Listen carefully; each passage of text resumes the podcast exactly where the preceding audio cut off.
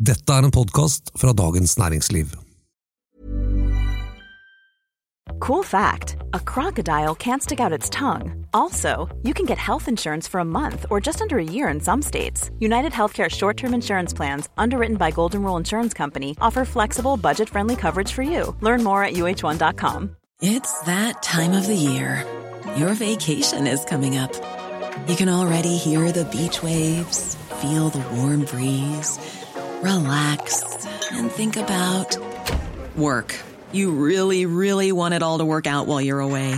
Monday.com gives you and the team that peace of mind. When all work is on one platform and everyone's in sync, things just flow wherever you are. Tap the banner to go to Monday.com. Many of us have those stubborn pounds that seem impossible to lose, no matter how good we eat or how hard we work out. My solution is PlushCare. PlushCare is a leading telehealth provider with doctors who are there for you day and night to partner with you in your weight loss journey. They can prescribe FDA-approved weight loss medications like Wagovi and Zepbound for those who qualify. Plus, they accept most insurance plans. To get started, visit plushcare.com slash weight loss. That's plushcare.com slash weight loss. Det kan være at eh, Trygve Slagsvold Vedum faktisk planlegger å bli statsminister i Norge. F.eks. etter valget om fire år. Og alle som vil kjempe mot imamsleikedronning og gullstolretoriker Sylvi Listhaug, har nå fått sin egen håndbok. Dette er den politiske situasjonen.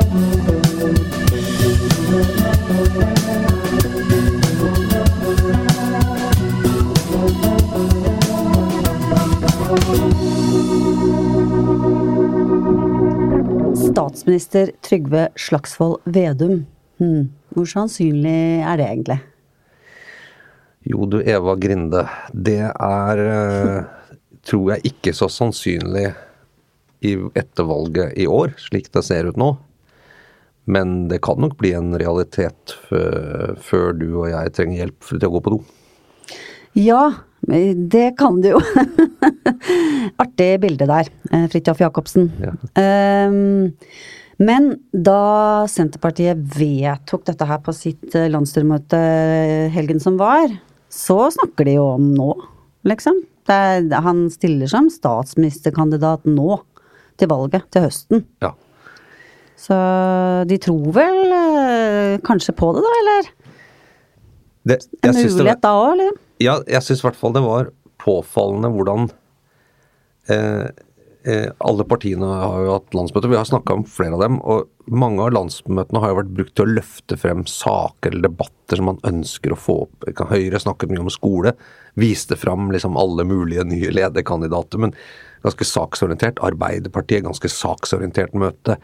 Eh, ikke sant, Forskjellige ting. Men Senterpartiet, som særlig da Vedum sier jeg vil bare prate om saker, jeg er bare opptatt av saker, handlet nesten kun i offentligheten om skal han stille som statsminister, skal han ikke, skal SV være med i regjering, skal de ikke?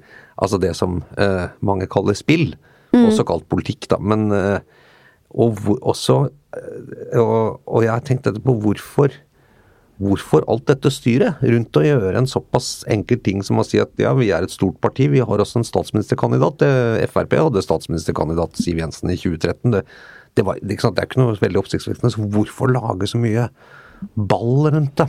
Det har Jeg jeg prøvd å tenke på. da. Ja, for der går jo diskusjonen litt også. Hvem var det som laget mest ball? Var det sånn som oss, eller var det partiet og partiledelsen selv, ikke sant? Altså det eh, presset. Noen har jo tolket det dit hen også, at uh, dette her var jo bare Slagsvold Vedum som ga etter for press.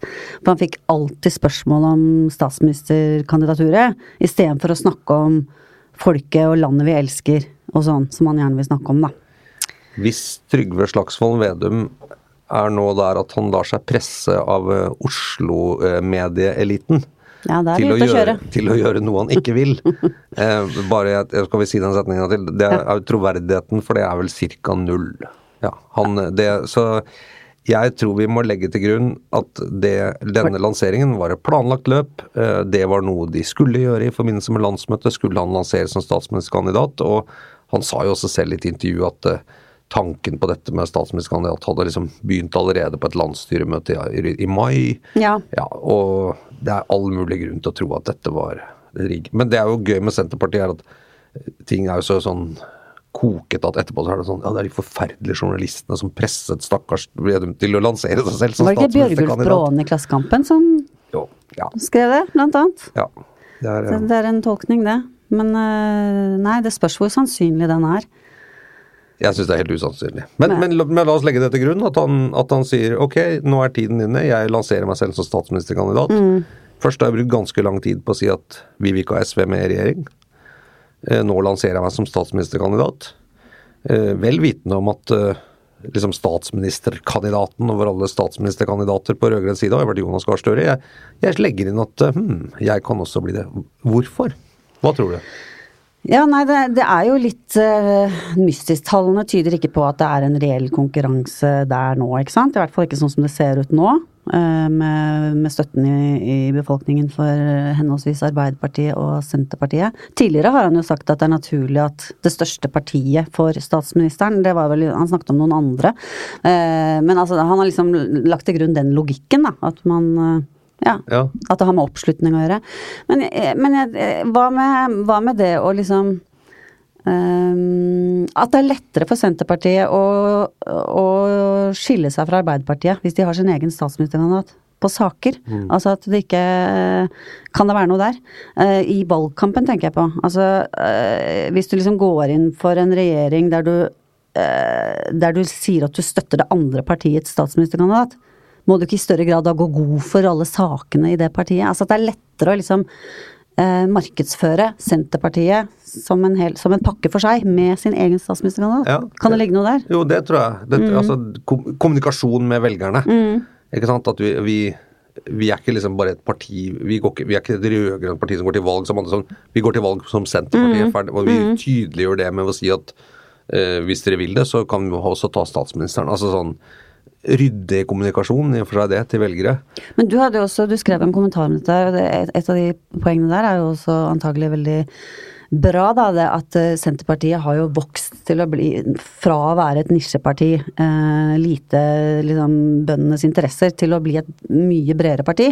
Og at de ønsker å fremstå som et sånt styringsparti. Styringsparti nummer tre i landet, liksom.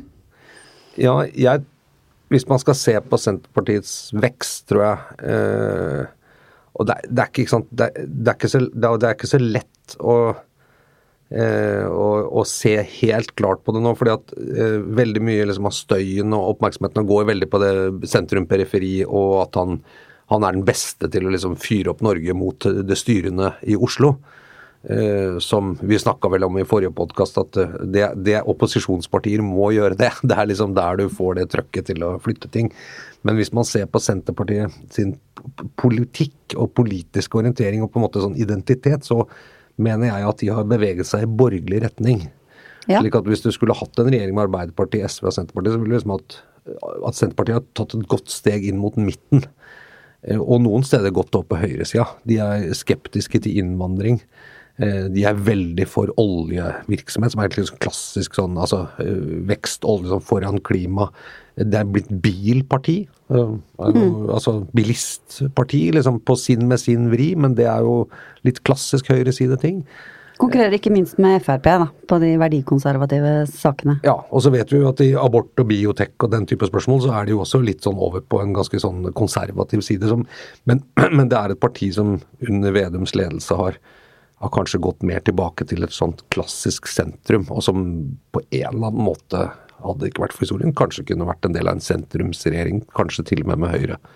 Eh, Ja. Går ikke det nå. Nå- Ikke dette nei, valget. nei. Det blir jo i hvert fall å Men- forvirre velgerne, for å si det sånn. og, og at klassisk norske velgergreie altså at hvis du beveger deg inn mot sentrum, da kan du hente mange velgere. Når Høyre som sluttet å være sånn kalkulatorparti og dro inn og ble litt mer sosialdemokratisk, nye velgere. Når Arbeiderpartiet under Jens Stoltenberg og de glansdagene og sånn, under Gro, i og for seg, da. liksom det der, De stjal våre klær mens vi badet, som Jan P. Syse sa, og tok i seg litt mer sånn Høyre og litt mer markedsånd. Mm. ble stort, ikke sant, igjen. Så, så ja, det, det er jo en ganske sånn klassisk move, men at, men at Senterpartiet har sett det. Og dermed så sier de at mestrer vi den posisjonen ved å være partiet i midten? Midten er jo det de store partiene har slått om. Da kan vi fort bli Norges største parti. Og da er det jo helt naturlig at vi også tar jobben som statsminister. Ja, og de kan bli det òg. kanskje? Ja, og, og ikke basert på en sånn Bondevik at vi eh, forhandler oss fram til det, men at vi faktisk er det største partiet i Norge, og dermed er et styringsparti, et statsbærende parti. Da. Ja. Men det, da er det veldig interessant eh, hvis vi ser fram til 2025, da, må være litt forut her i politiske situasjonen. Hvem er, hvem er statsministerkandidatene i 2025? La oss si hvis han er den ene, hvem konkurrerer han mot? Ja. Jeg har jo, det er jo noen som tror at, eh, at det sitter en på toppen av Frp og planlegger eh, å bli høyresidens eh, Høyresidens statsministerkandidat 2025. Ja, ja og det skal, vi, det skal vi komme tilbake til. Ja. eh, nett- Men, men ikke sant, hvem nettopp? Og det Og hva avhenger det av? Jo, det, det avhenger jo for det første hvis, hvis det blir eh, rød-grønt flertall, så er vel motstanderen eller alliert eller hvem Det er Jonas Gahr Støre, da. Sannsynligvis. Ja, altså det, i 2025? Hvis han vinner valget nå, så sitter han vel i fire år. Ja, ja, du ikke sånn, ja. Ja. Ja, ja, sånn. Ja, men øh, mm. Men da er spørsmålet Vi snakket akkurat om, øh, om Senterpartiet ikke kunne bevege seg over på høyresiden. Det kan skje veldig mye i norsk politikk de nærmeste fem årene, tror jeg. Ja, jeg Men ikke hvis de har sittet i regjering med Arbeiderpartiet. Nei, nei, Det er vanskelig å se for seg. Og det, er, og det er bare det er, ikke sant, og Senterpartiet er jo utrolig gode til å liksom holde på det er, ikke sant, det er ikke så lett å vite hva de egentlig vil, for de er jo forhandlingsmestere også. Mm. ikke sant, og og er alt dette bare game for å ha best mulig posisjon i forhandlingene hvis det blir valgseier til høsten? Men De er jo et reelt sentrumsparti. De har jo virkelig saker fra begge sider, ikke sant. Så, Ja. det, så de kan uh, lene seg begge veier. Og det er vel derfor de også så veldig ønsker å holde SV utenfor regjering. For å kunne snu seg begge hvilken vei det måtte være, da. Sammen med Arbeiderpartiet. Som jo også plukker velgere fra, fra begge sider. Eller, ja. Har støtte fra Er egentlig eh, ganske mye et sentrumsparti, Arbeiderpartiet òg. Ja. Hvis man ser på velgerne. Definitivt. Mm. Og, og det er mye velgerutveksling der også fra Høyre og sånn. Men, men tenk hvis altså Veldig mange legger til grunn at Senterpartiet er klassisk maktparti. Så de vil alltid søke makt og innflytelse, for det er liksom sånn de kan få omsette eh, interessene og på en måte invest, investorene sine i resultater. Det ligner jo på mange partier, da.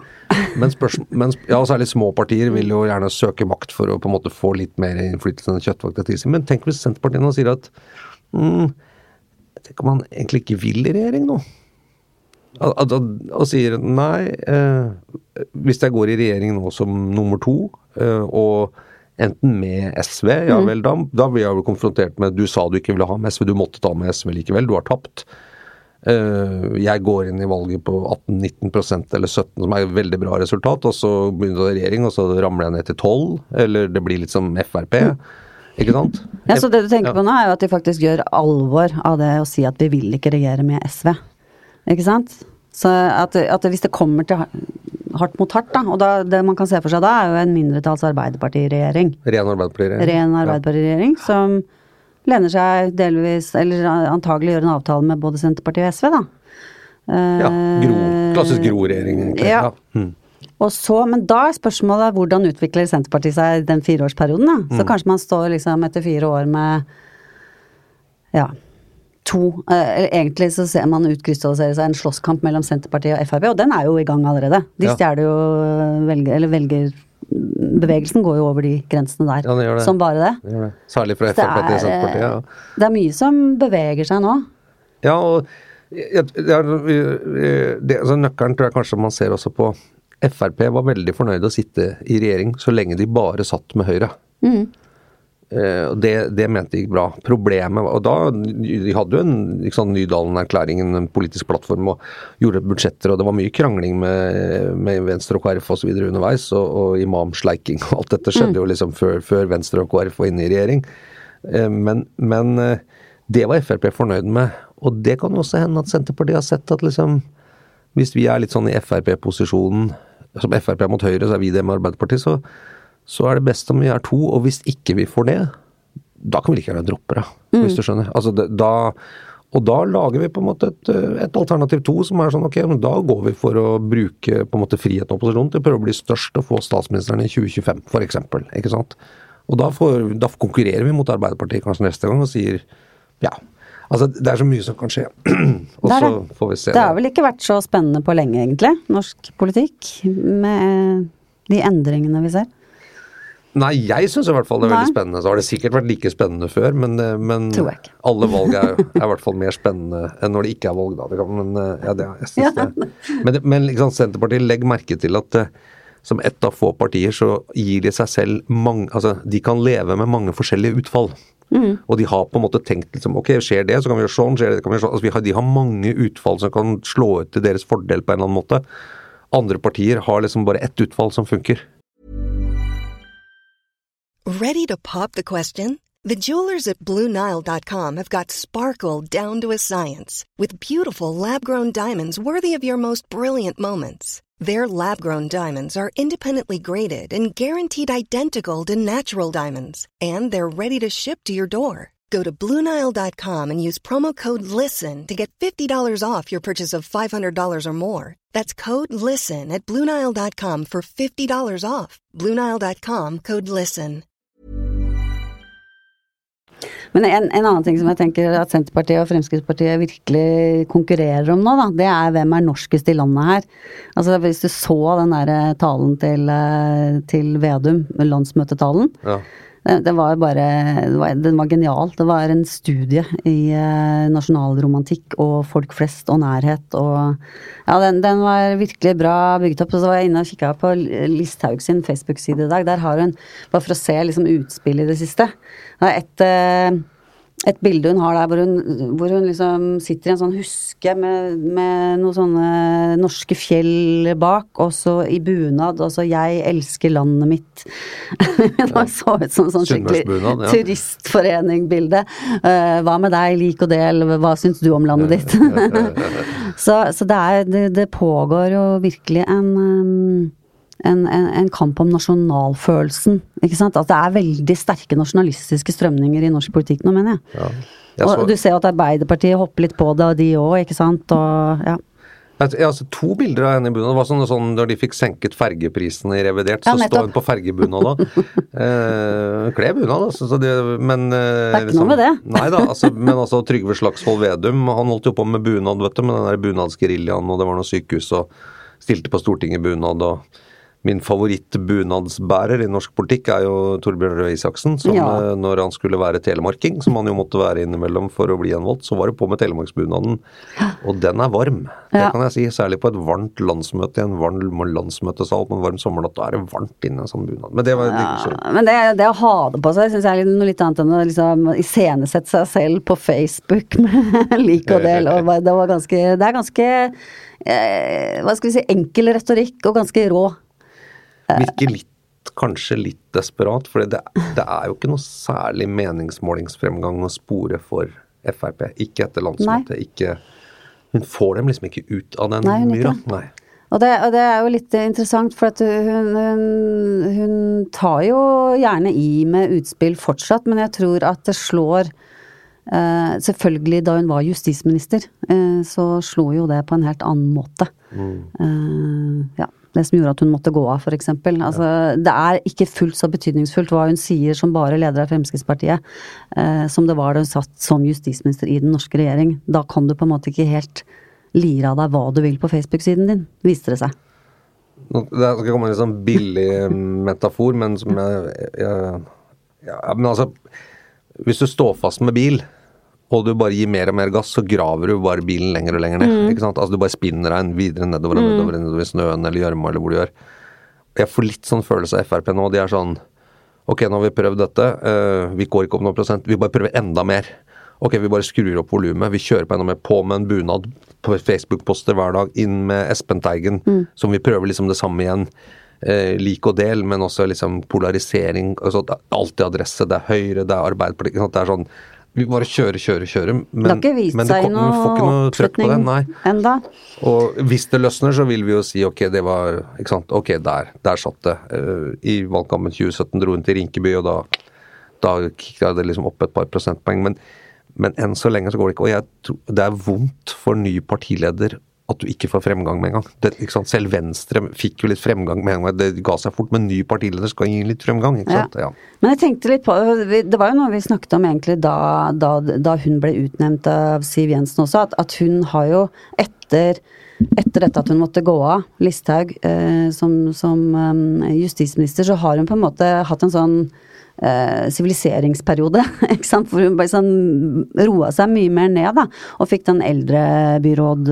Nei, byråds, ja. Eh, statsråd eh, Folkehelsestatsrådposten, ikke sant, og, og var liksom på et, en litt annen planet en stund.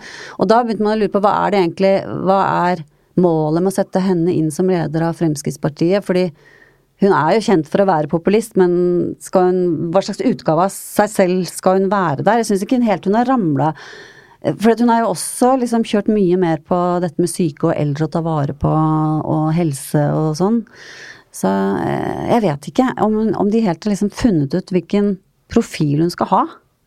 Og, og, eh, og det gjør at kanskje han Magnus Marsdal ikke behøver å være fullt så bekymret som han er i denne boken som vi nå skal snakke om. Ja, ikke sant. Ja, ja for, det, for det, det, er, det er eh, Boka heter eh, hva heter det, Listhaug. Listhaugs metode. Listhaugs metode. Frp-koden, det var jeg skrev også Listhaugs metode. Og så skrev man en bok innimellom der som vi skal minne, minne litt om etterpå, men mm. eh, Jeg tror han skrev flere bøker innimellom der. Ja, men, men det, det, der med populisme, det er, som du sa, syns jeg er veldig Det er sånn interessant og godt sett, for at kan grunnen være Nå er jeg litt Men altså Vedum, eller altså, Populistbegrepet er litt sånn utvannet, men Vedum og en del politikere lover mange ting til folk. Mm. Sånn at du skal få noe.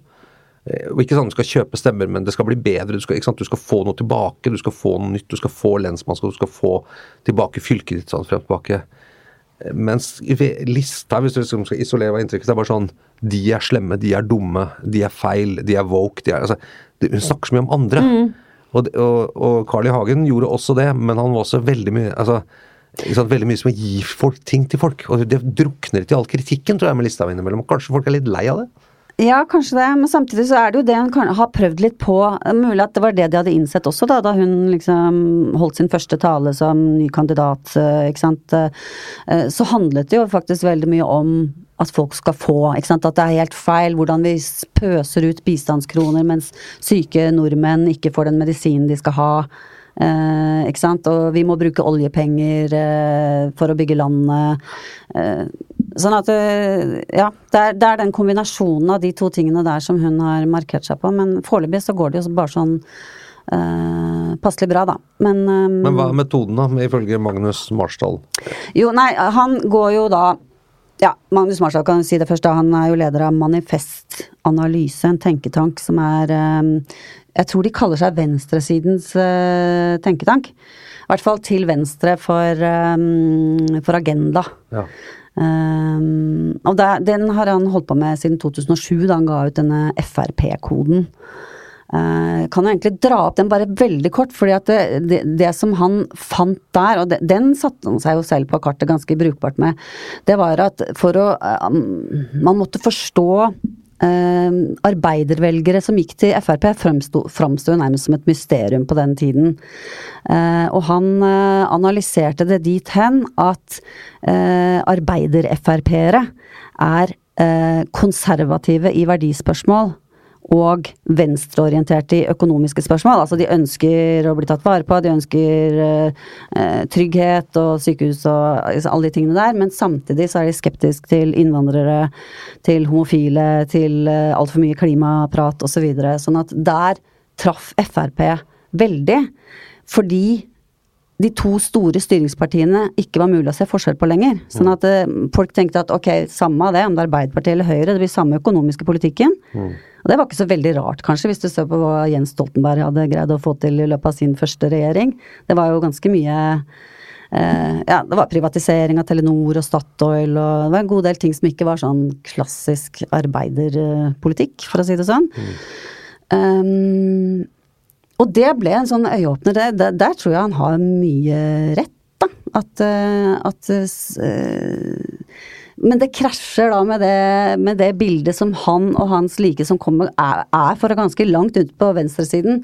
At, um, uh, at, uh, at, det er den økonomiske politikken som skiller liksom arbeidere og elite. Mm. Så han Men det som er nå med Listhaugs metode, da. Det er problemet, sånn som han ser det er. Hvorfor vinner hun alle debatter? Altså, eller hvorfor slår, slår hennes metode så sterkt i den offentlige debatten? Og hva skal venstresidefolk som er imot henne, gjøre for, å, for å stoppe henne? Så metoden hennes, da, det er å være Han har en sånn tredelt rakett, liksom. Det er å være veldig frekk med et eller annet. Og så er det å være eh, offer fordi man blir misforstått. Ja, men det var jo ikke det jeg mente. Eh, og så er det å være løve og sint fordi at den urettferdige venstresiden driver og tillegger oss meninger vi ikke har. Ikke sant. Sånn, eh, og det er, den, den går igjen, og han mener den funker veldig bra. Og så syns jeg han snakker veldig interessant om hvordan sosiale medier er perfekt for dette. For i sosiale medier er du sånn passe uformell, ikke sant. Du behøver ikke, du står ikke opp, du blir ikke intervjuet, du får ikke noe oppfølgingsspørsmål. Du, ikke sant. Og, og, og da er det lett å si ja ja, nei men altså det var jo ikke sånn hun mente det. Uh, du kan på en måte bare antyde ting. Eh, hun, går, hun kan jo gå Listhaug kan jo gå Hun har jo 176 000 følgere eller noe sånt på Facebook, ikke sant. Og har jo brukt, brukt det mediet for alt det er verdt, for å si det sånn. Um, og, og hun kan finne på å gå supersterkt ut med ganske sånn underliggende eh, fordomsfulle mm, toner, ikke sant? Ja. Og så sier hun bare sånn Men vær, vær snille i kommentarfeltene da, dere. Eh, pass på å holde folkeskikken og Ja. Som på en måte fyrer opp, men eh, Jeg skjønner. jeg skjønner. Altså du, du sier noe som du vet er provoserende, og så blir motparten så sinna at de kanskje sier et eller annet som er dumt eller aggressivt, og så, og så sier du jeg bare sier hva jeg mener. Jeg kan ikke si hva jeg mener. Ja. Dette kjenner jeg veldig igjen fra dette da hun måtte gå av som justisminister. nettopp. Det og blir dette også meg, ikke sant? Hvor hun sa jeg har vært utsatt for en heksejakt fra Jonas Gahr Støre, og det, det, min ytringsfrihet er begrenset. Det var, Mm. en sånn pressekonferanse med den avgangen som var ganske sånn ok. Eh, Det var liksom, det var en litt merkelig historiefortelling. Altså, Det var jo de gode og de onde kreftene, og det var Gud og djevelen nærmest, ikke sant? ja, du gjorde noe dumt, og så nektet du å be om unnskyldning selv når du på en måte fikk beskjed av sjefen om at du måtte gjøre det, så, så gjorde du ikke likevel. Prøvde å liksom komme deg ut av det. og? Det hadde ikke vært noe problem, men var, grunnen til at hun måtte gå av, var jo at hun Når du må gå av sånn, så er det fordi du ikke lenger har tillit i regjeringen. Ja, ja. Det, var, det var jo, måtte ikke gå av av den der posten, for det hadde jo Erna Solberg og Siv Jensen. De, de tar ikke folk på sånn, men poenget er at du kanskje ikke kommuniserte helt åpent og redelig med, med de folka om hva du faktisk hadde sagt. og Du skulle jo be om unnskyldning, og så gjorde hun ikke det likevel. og så. Det er helt, sånn. den, den, den sesjonen når hun skulle be om unnskyldning, det var, det var vondt. Altså det, det var en person som ikke eh, trivdes med å si unnskyld. Eh, for å si det sånn. Ja. Så Vi kan jo minne om hva den var, da. Den, eh, den posten. Ja. For det var jo eh, Arbeiderpartiet setter terrorister høyere enn nasjonens sikkerhet. Ja. Eller noe sånt. Ja, og det handlet jo om en sånn lov som skulle gå gjennom i Stortinget om hvorvidt man eh, Ja, hvor streng eller ikke den skulle være mot eh, terrorister. Skulle få pass, ikke sant. Ja, sånn. Ja. Var Sånn det at, bilde av sånn Al Shabaab uh, bad guys? Ja. Sant? Med, ja. Nei, Ganske var- skumle folk. Ja. ja, så, og, og den Og det var jo litt spesielt, for det var jo ikke bare Arbeiderpartiet, det var jo et stortingsflertall eh, som var på Arbeiderpartiets side i den eh, saken. Ikke sant? Og så sammenfalt det med denne premieren på en Utøya-film. Som gjorde at det virkelig tok fyr. Det tok litt fyr, ja. Men, men, men akkurat det er det vel ingen grunn til å tro at det var planlagt, da. Nei. Men det var Arbeiderpartiet som fikk den, for å si det sånn. Men vi, skal, vi kan ikke henge fast så mye Eller vi, kan godt det, men, men det jeg syns ikke sant, Marsdal, eh, Frp-konen Frp-konen ble skrevet i 2007. Da var, da var Frp kjempestort. Ikke sant? Det var mye større enn Høyre. De, De, etter valget i, to, i 2005 så var Frp en mye større gruppe enn Høyre. Eh, De var oppe og snuste i liksom oppspillet til 2009-valget, så var jo Frp oppe på 30% mens Høyre var liksom under 20 Altså det, det var en helt annen balanse, eh, og de var største parti på noen målinger og sånn. Det som eh, og, og så ble det noe sånn at eh, nå kommer liksom Høyre seg mer i form. Det der at si at Frp liksom nå har grep om de store, brede, hva man kan kalle arbeiderklassen, det, det stemmer jo egentlig ikke lenger. Eh, de, det er jo liksom det er litt, nesten litt sånn rart, for at eh, det, det man har hatt en ganske stor oppslutning på venstresida nå, er jo at, at SV, MDG og Rødt eh, nå har jo til sammen eh, ja, noen målinger 16-17% Det vil si at de er mye større enn Frp, de tre partiene til sammen. Eh, De er omtrent jevnstore med Senterpartiet. Så, Så det der å liksom Jeg har litt følelsen av at den boka hans kommer litt for seint. Ja, altså det å analysere Jeg tror han begynte, Min teori er at han begynte på den for en stund siden, altså. Eh, Den der Listhaugs metode. Uh, at den, liksom, den, den, den virker ikke sånn superrelevant nå, for, nettopp fordi hun ikke har den voldsomme gjennomslagskraften som hun kanskje hadde en periode, da. Nei, det virker jo ikke så veldig godt. eh, Nei. I hvert fall den metoden, da. Nei. Nå. Så er det så interessant, jeg vet ikke. Nei, ja, det som er interessant med den, er at det kan overføres, fordi at den derre eh, Den derre mm, eh, frekke offer-løve-varianten, ikke sant, den er det jo mange som behersker. Og, den, og, og dette med hvordan man bruker sosiale medier som politikere, og liksom alle mulige mm, Alle gode populister vil, vil på en måte bruke så Kanskje det er de som får eh, tips om metode her. Så, men eh, så, så det er absolutt eh, spennende. Og så en, en annen ting som man snakker om, eh, som jo også er relevant og overførbart, det er i, hvilken, i hvilken grad skal man ta I hvilken grad skal man gå imot sånne utspill? Altså hvor, hvor, i hvilken grad skal du bite på? Eh, og hvor lurt er det? Er det taktisk lurt eller ikke? Altså det kan være strategisk riktig fordi man vil faktisk ikke at man skal se på asylsøkere som fremmedelementer og, og sånn, men taktisk så kan det jo være helt feil, ikke sant. For, det, for Sylvi Listhaug ønsker seg jo som regel, eller de eh, ønsker seg jo som regel topp oppmerksomhet om det temaet. Og, ja, så han, ha- Marsdal har noen sånne eh, eksempler der, da, hvor han mener liksom i det tilfellet er det riktig å ta til motmæle, og i det tilfellet er det riktig å bare la det passere. Så liksom, han lager en sånn bevissthet rundt hvordan du skal ikke bare hoppe på, da. Ikke sant. Ja. Man kan jo bli litt opprørt. Hun, hun ja. har jo evne til fortsatt til å provosere. Ja, det, må vi kunne si. Det, det har hun. Hvis du lurer på de litt rare lydene som kommer innimellom her, så er det fordi vi er litt engasjert og fekter borti mikrofonene Ja, med hendene. Så det, er- det- det, så det er bare. Det er lyden og engasjementet. Jeg har gjort det flere ganger selv her nå. Eh, det jeg syns ja, men, interessant den boka. Den, den boka som jeg eh, lovte vi skulle nevne, vi kan jo slutte litt på det med Magnus Marshall. Ja, så jeg ja. forteller en, sånn jeg skal en liten anekdote. Vi, vi kan ta en liten anekdote. det, kan, det har vi alltid tid til. I, eh, før valget i 2009 så skrev eh, liksom som oppfølging av Frp-koden, som jo var liksom arbeidervelgerne går til Frp, med andre ord, de er ikke lenger i Arbeiderpartiet, så skrev han en bok om Jens Stoltenberg, som han kalte 'Mannen uten egenskaper'. Eh, og det var mye sånn at Jens, Jens von Stoltenberg og han var adelig, og det var, han var mislykka for han hadde fjerna seg osv. Eh, eh, så det var egentlig et ganske sånn nådeløst oppgjør med Jens Stoltenberg. Og han var ganske høy og mørk, da, eh, Marsdal. Og, og da husker jeg han var i Dagsnytt 18s studio, eh, og var i ganske sånn Marshall er ganske, kan være ganske god retorisk og sånn og skarp. Var du programleder da, jeg var, nei, jeg var ikke programleder, jeg var, eh, jobba jeg var produsent eller Ja. noe, så jeg fulgte folk ut og inn, sånn som man gjør der. Og så, og så eh, var han inne og liksom hadde levert altså bare sånn slakt og dissekering av Jens Stoltenberg på en måte, som en sånn livsfjern fyr som ikke skjønte liksom å miste til Frp og så videre. Eh, og så ut på utsiden satt Jørgen Kosmo, og, han var da jeg må være riksrevisor eller noe sånt på den tiden. Men Jørgen Kosmo var jo en av de siste skikkelig arbeiderklassefolka eh, sånn bakgrunnsmessig da, i, i det partiet. Og, og Marsdal kom ut av studio og var ganske sånn, var godt fornøyd med seg selv. Og det hadde han grunn til å være, for han leverte veldig godt. Og så så han Kosmo på han opp sånn, og så, og så sa han eh, Problemet sa han, at du har gått altfor lenge på skolen. og da og da, det var ikke, det var ikke så god stemning.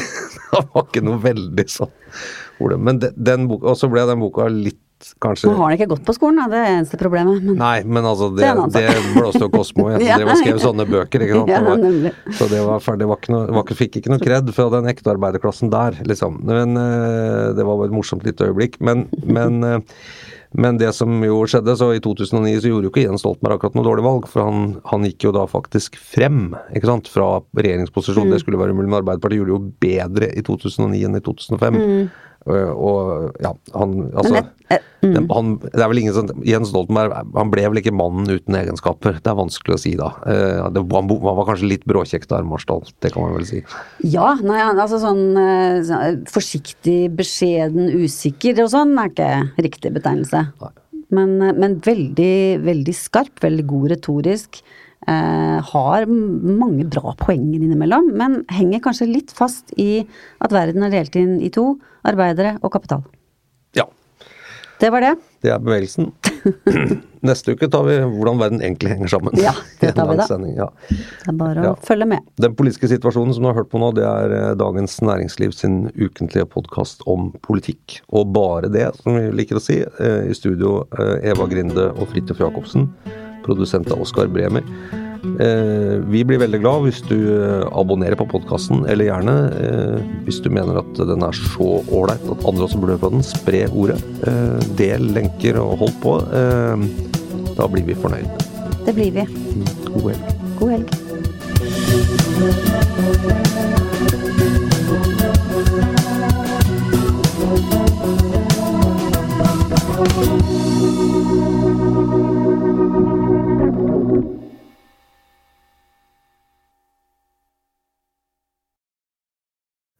Du har nå hørt en podkast fra Dagens Næringsliv.